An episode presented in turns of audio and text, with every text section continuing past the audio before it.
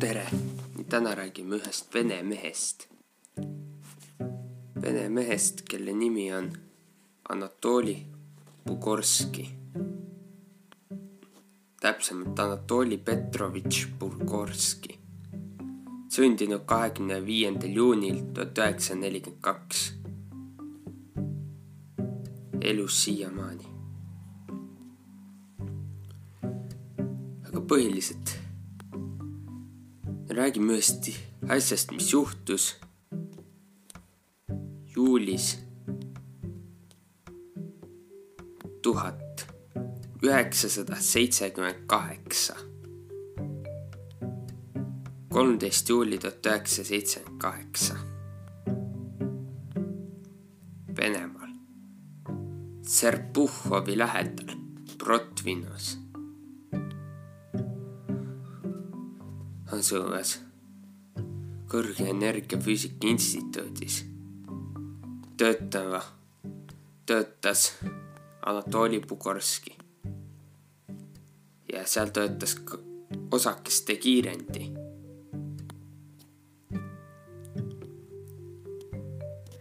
ja selle kiirendiga tekkis probleem. et näha, mis kiirendil viga, pani Bugorski pea kiirendi kanali sisse. just selle, selle koha, kanali sisse, mille kaudu tulistab kiirendi, mille kaudu tuleb kiirendist välja väga intensiivne ja võimas prootonkiir. Bugorskile teadmata, masin veel töötas ja hoiatustuled, mis oleksid Bugorskit ohust teavitanud olid eelmise katse ajal välja lülitunud, lülitatud ega olnud uuesti sisse lülitatud. eelmise käimepaeku ajal, jah. niipea kui ta pea ületas nähtamatu prootonikiire, sai ta aju kahjustusi. Bugorski tundub valu, kuid nägi välku, mis oli tuhandest päikest terendam. nii ta ise pärast hiljem ütles Bugorski teadis, et ta oli saanud prootonkiirega pihta, kuid ta ei öelnud seda kellelegi. selle asemel lõpetas ta rahulikult oma töö, nagu vene mees ikka. kirjutas ajakirja jaoks üles oma kiirenduskanali ees käimise ja ootas siis murettekitavalt eel, murettekitava eelaidumusega sümptomite saabumist samal õhtul hakkas vasak näopool paisuma. ja ta ei saanud magada. ning ta ei saanud selle seetõttu magada. pärast ebamugavat magamite ööd otsustas Bugarski enda arstidele näidata. Bugarski viidi kiiresti Moskvasse haiglasse ja ta lubati spetsiaalsesse kliinikusse, kus raviti kiiritusmürgituse ohvreid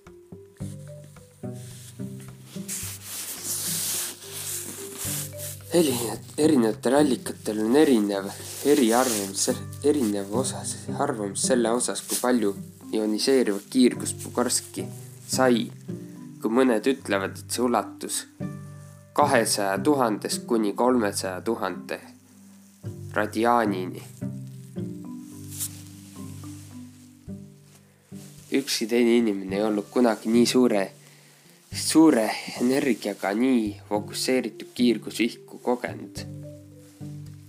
tavaliselt piisab inimese tapmiseks neli, neljasajast kuni tuhandest radiaanist, kuid Bugorski jäi ellu, sest see oli fokusseeritud kiir, ehk siis läks otse ainult, mitte laiali hajusalt, vaid läks otse fookusse ühesuunaliselt ainult erinevalt Tšernobõlist või Hiroshimast, kus ohvritel pujutati üle pealast jalad allani kõrge energia grammakiirtega.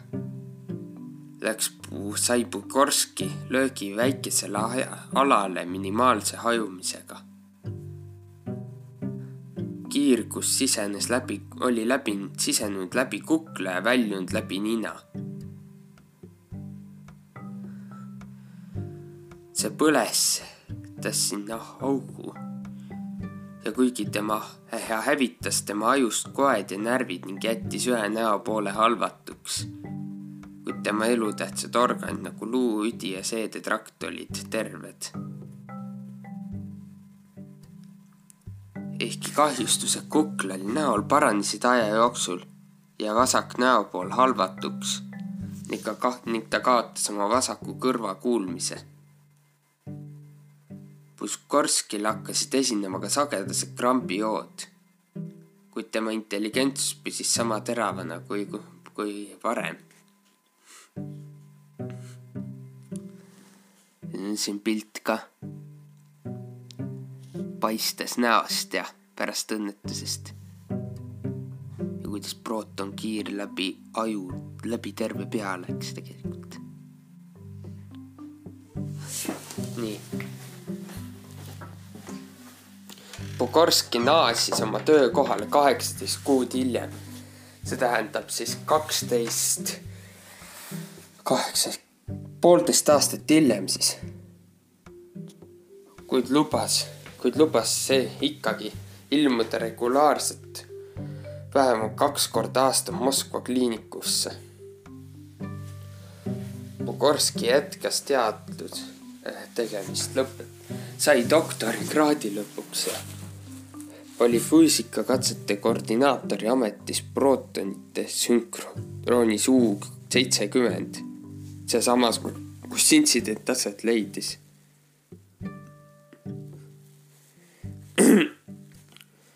kui ta, kuna oli Nõukogude Liit, siis, siis riik palus hoida saladust selle õnnetusest.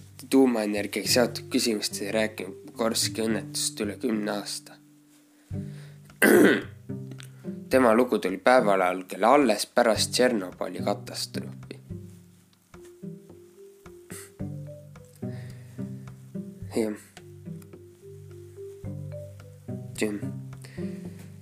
ta mitte ainult ei jäänud ellu, vaid elas üle selle siin, jah. kuid lõpuks riik lagunes, Nõukogude Liit lagunes ja majanduslikult polnud ja riigil polnud raha ning projekt peatati ja lõpuks sellest loobuti. Bugorski ise on endiselt elus. üheksasaja üheksakümne kuuendal aastal taotles puude staatust, kuid taotlus lükati tagasi. huvitav küll, miks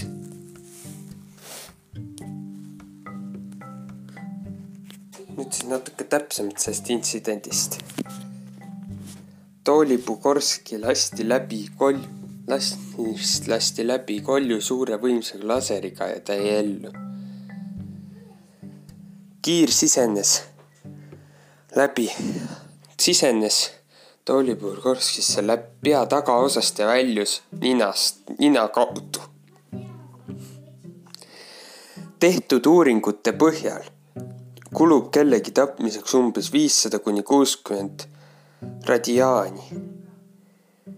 nii et kui umbes kakssada tuhat radiaani sisaldav prootonikiir sisenes Anatoli Bugorski koljusse, tundus tema saatus väga etteaimatav, kuid see ei olnud nii.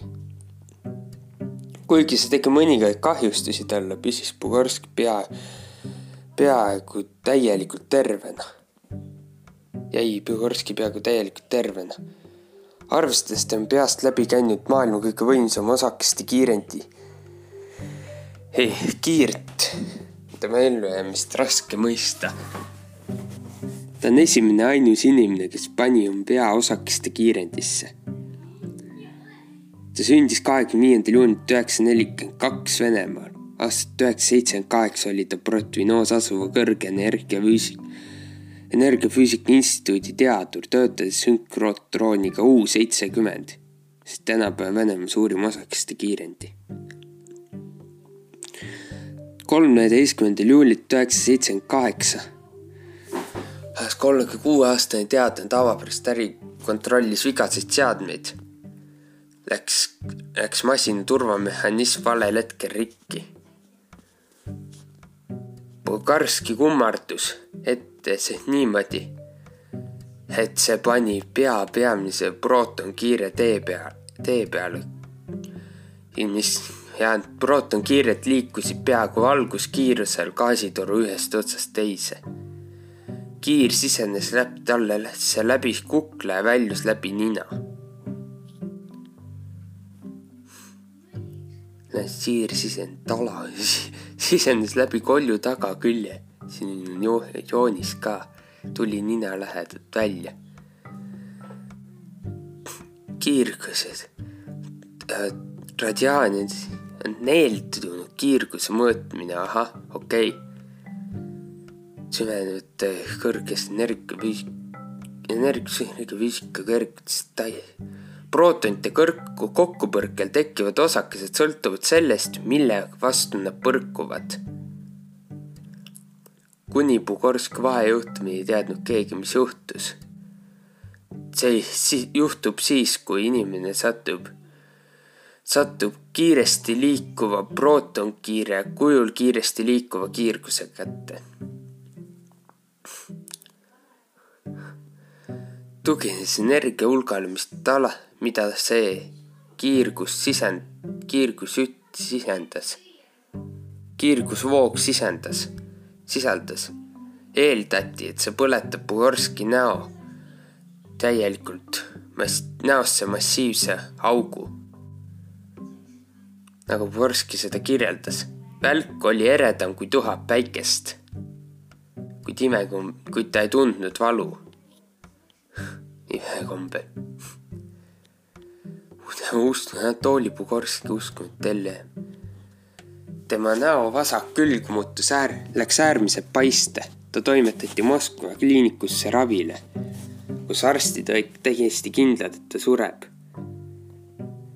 pärast seda tavastada lihtsalt surnu kiiritusdoos. põhim-, lasid arstidel lihtsalt surnu kiiritusdoosi. põhimõtteliselt nad arvasid, et nad hoiavad Bugorskit seal nii kaua, kui need, et nad saavad oma surma uurida. Kuid järgmise päeva jooksul, päevade jooksul koorus talaga kokku, selle kiirgusega kokku puutunud nahk tuli, kooris maha nahk kooriti maha kiirgusega kokku puutunud koha pealt.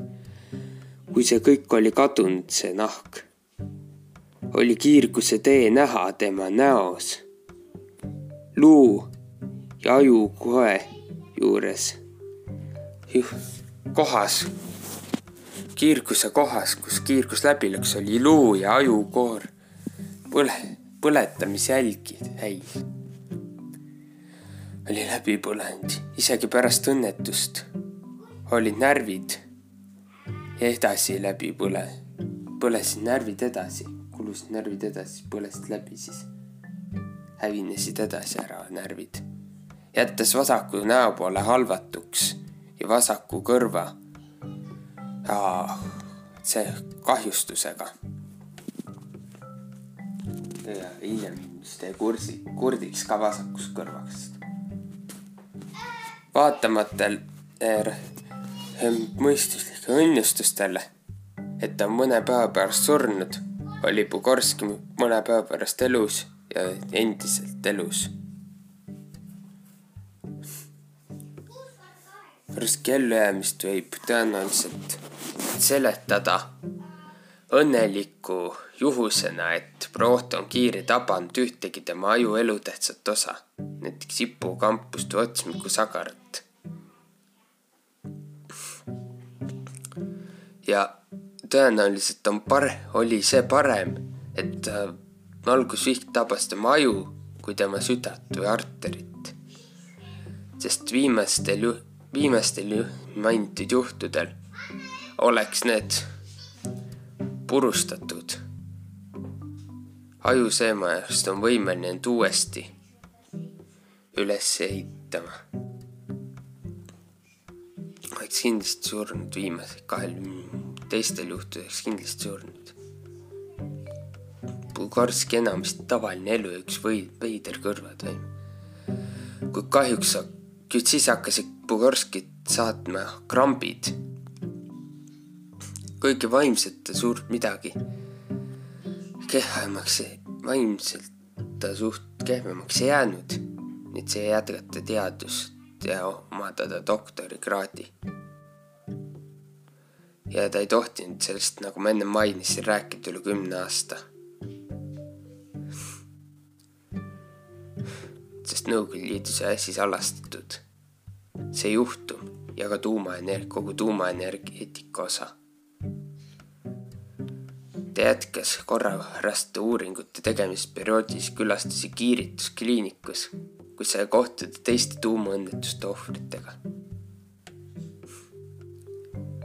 nagu endised kinnipeetavad oleme ka meie alates üksteisest teadlikud, ütles ta, kui ta lubati sellest rääkida. meid pole nii palju ja me teame üksteise elulugusid, üldiselt on need kurvad lood. ta on endist, Anatoli Puhorski on endist elus tänaseni terve. viimane veider õnnetuse tagajärg oli selline, et tema näo põlenud küljel ei tekkinud kord, tekkinud kortse enam. ja nägu ei olnud enam kunagi täpselt samasugune, kui ta sellel päeval oli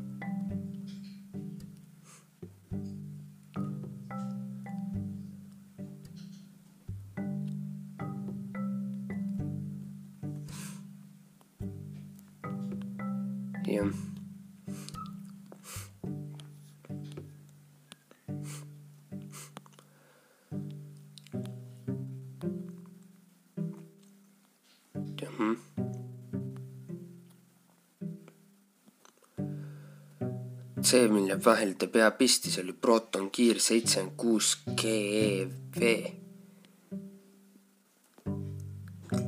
uraan seitsekümmend oli see osake, mis teda tabas. radioaktiivne uraan seitsekümmend.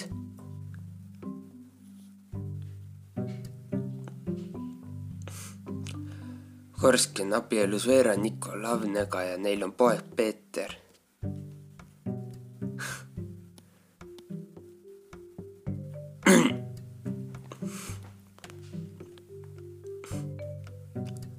osakeste ühikonda.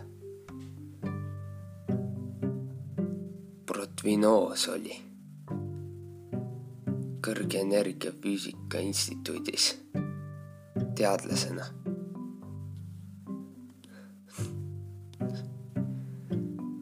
praegu seitsmekümne kaheksa aastane või oota, üheksasada nelikümmend kaks, kakskümmend viis juuni, jah, seitsekümmend kaheksa aastane sündinud kakskümmend viis juuni tuhat üheksasada nelikümmend kaks, Anatoli Petrovitš Bugorski.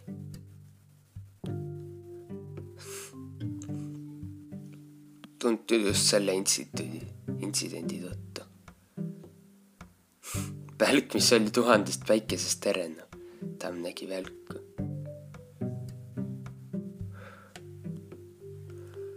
kiir läbis kukla, tagus kukla luu hajalist ajusagarad vasaku keskkõrva ja lõpuks läbi nina ja vasaku, läbi nina ja vasaku kätt. sai kakssada tuhat kuni kolmsada tuhat röntgenit kiirgust.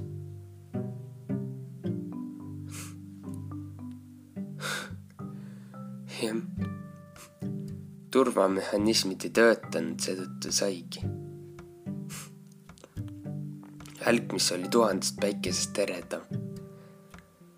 selle võiks panna pealkirjaks isegi. jah. pärast juhtumit jätkas tööd talituse eriti kui varustuse Karel ja otsustas esialgu mitte kellelegi juhtumist rääkida. nagu ma ennem rääkisin, vasaku näo vasaku pool paistetas üles ja mitu järgmist päeva oli paistes. nahast, nahk hakkas kooruma ja proton, protonkiired tee koha pealt oli ära põlenud kumasa nägu, luu ja ajukude. kuna alguses arvati palju rohkem surmalõppe kiirgust toodi, siin viidi ta Moskva kliinikusse, nagu ma ennem ütlesin. jälgida eeldatavat surma. jäi ellu, lõpetas doktorikraadi, jätkas tööd osakeste füüsikate. intellektuaalset võimekust põhimõtteliselt, põhimõtteliselt ei saa kahjustada. kui vaim, vaimse, jah, vaimse töö väsimus suurenes, kuid väsimus suurenes märkimisväärselt vaimsest tööst. vasaku kõrva kuulmine kadus täielikult. ja ta asendas selle hiljem. näo vasak pool närvide hävimise tõttu halvatud. suutus hästi ja töötaja välja arvatud juhuslikult. juhuslikud osalised, oh, eks, juhuslikud krambid kompleks, osalised komplekssed krambid ja haruldased toonis kroonis krambid. harva oli üht teist sorti krampe ka. jah, füüsika katsekoordinaatori ametikohal jätkas kõrge energiafüüsika instituudis töötamist, nagu ma ennem rääkisin. Kümne aasta pärast sai alles rääkida kaks korda aastas käiks Moskva kliiniku, kiirituskliinikus uuringutel teiste tuumaõnnetuste ohvritega kohtumas.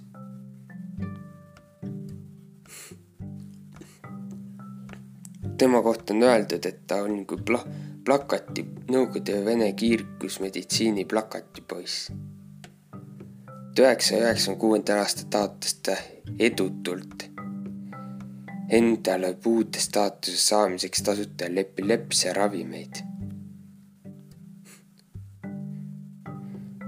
ja ta näitas üles end ka huvi, end lääne teadlastele uurimiseks kättesaadavaks teha, kuid ei saanud endale lubada Protvinost lahkumist.